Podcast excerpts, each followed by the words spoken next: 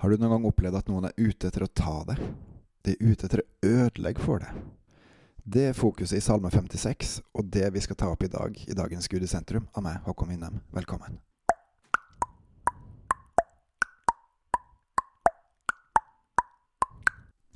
Det står i begynnelsen av salmen til sangmesteren, etter duen i fjerne terebinter, som kanskje er melodien. Og så står det at den er av David, en gyllen sang da filisterne grep han i gatt. Og hva er historien i Gat? Jo, Saul, kong Saul, han hadde bestemt seg for å ta livet av David, og David flykta. Han fikk litt hjelp av Jonathan, han fikk hjelp av en prest. Vi får skuebrød og Goliat-sverdet, og så dro han av gårde med noen menn i all hemmelighet. På den veien så havna han hos kong Akish i Gat. Eh, og ganske fort så skjønte han at her var det ikke trygt å være.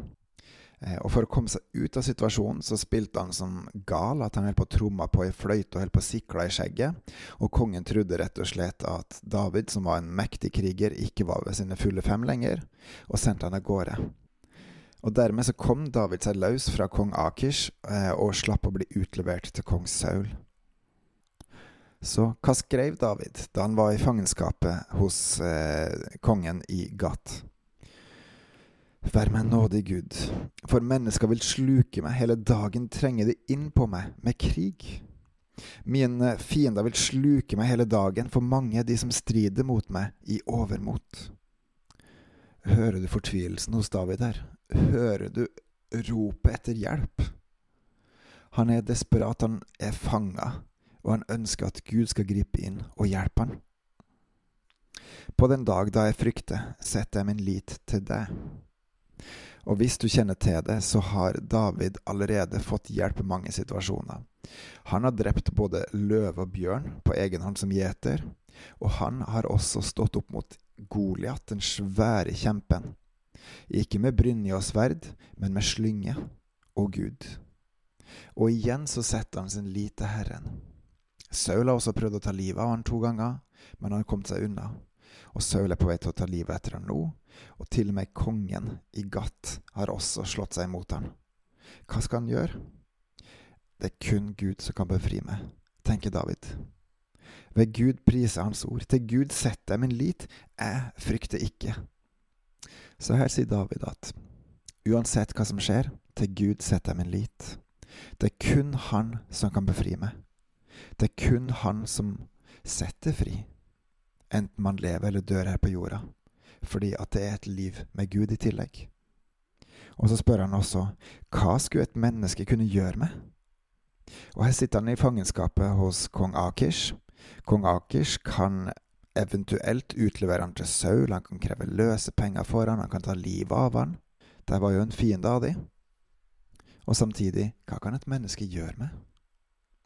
Jeg tror at noen ganger så er det slik at menneskefrykten gjør til at vi er mer redd fordi enn vi er for Gud. For hva kan Gud gjøre oss? Han kan velge å gi oss den fortjente straffa for våre gjerninger gjennom livet. Eller så kan han barmhjertighet, fordi vi velger å stole på han, at vi omvender oss til han og tror på han, ta oss inn i sitt evige rike. Det å kjenne den eneste sanne Gud og Han som han har sendt, Jesus Kristus, for oss nå i dag. Stol på Herren, sett en lit til Han. Frykt ikke mennesker, de kan skade oss her på jorda, men ikke noe mer enn det. Gud har både makt til å dømme oss til evig død, eller gi oss evig liv, fordi vi vil følge Han. Han er det vi må følge, Han er det vi må tilbe. Hele dagen vrenger de på mine ord, alle deres tanker er imot meg, til det onde. De slår seg sammen, de lurer, de vokter på mine skritt, for de står meg etter livet. Det finnes ulike makter. Du har både menneskemakt, du har de onde, og du har Gud. Og her er det mennesker, eller det kan også være onde ånder, som er på jakt etter alt som er av Gud sitt. Noen ganger kan det bare være av rent menneskelig lyster, eller hva det nå er, mens andre ganger kan det også være for å ødelegge på grunn av Gud.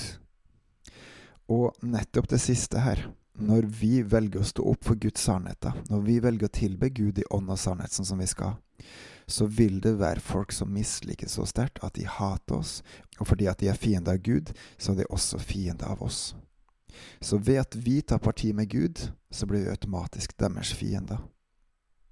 Og samtidig, hva skulle et menneske kunne gjøre oss med? Frykt Herren er begynnelsen på visdom. Ikke frykt mennesker, men frykt Herren. Derfor bør vi løfte opp sannheten. Derfor bør vi holde fast med Han. Fordi det er det eneste trygge. Det eneste evige trygge. Skulle de, altså de som tenker ut dette onde her, skulle de unnslippe til tross for sin ondskap? Støt folkeslag ned i vrede, Gud. Gud straffer ondskap, Gud straffer urettferdighet. Og det er rettferdig. Punktum. Det er lov å be Gud om å straffe denne ondskapen, denne urettferdigheten, fordi det er etter hans vilje. Straffer man ikke ondskap og urettferdighet, blir det mer av det. Og Det er også derfor Gud har satt inn styresmakta, for at de skal ta vare på det gode og straffe det onde. Så det er helt legitimt, det er absolutt helt lov å be Gud om å straffe de som gjør vondt, for i beste fall at de også skal omvende seg. Hvor ofte jeg har flykta, det du har talt, mine tårer gjemt i din flaske, står ikke de i din bok? Så skal mine fiender bli slått på flukt den dag jeg roper, dette veit jeg at Gud er med meg. Legg merke til at det er naturlig å måtte flykte. Det er naturlig å ha sorg også når man tilhører Gud, sånn som David gjorde. Men det kommer en dag, enten nå eller senere, hvor Gud slår fiendene på flukt, og at Gud viser seg at han kommer og er nær på en merkbar måte og straffer dem. Han er jo nær uansett, men han skal også slå fiendene på flukt en dag. Ved Gud priser jeg ordet, ved Herren priser jeg ordet. Til Gud setter jeg min lit, jeg frykter ikke, hva skulle et menneske kunne gjøre meg? Og det her sier altså David mens han er i fangenskap, mens han sitter innesperra i gatt. Jeg har løfta på meg til deg, Gud. Jeg vil betale deg med takkoffer. For du har fridd min sjel fra døden, ja, mine føtter fra fall, så jeg kan vandre for Guds åsyn i de levendes lys. David har gitt løfta til Gud. Han vil betale med takkoffer. Hvorfor? Fordi Gud, mens han sitter i fangenskapet her, så vet David at Gud har befridd hans sjel fra døden, fra fall. Og derfor så kan han, David, vandre for Guds åsyn i de levendes lys. Og vi som tror, har også blitt befridd. Vi er befridd fra både døden og fra fall.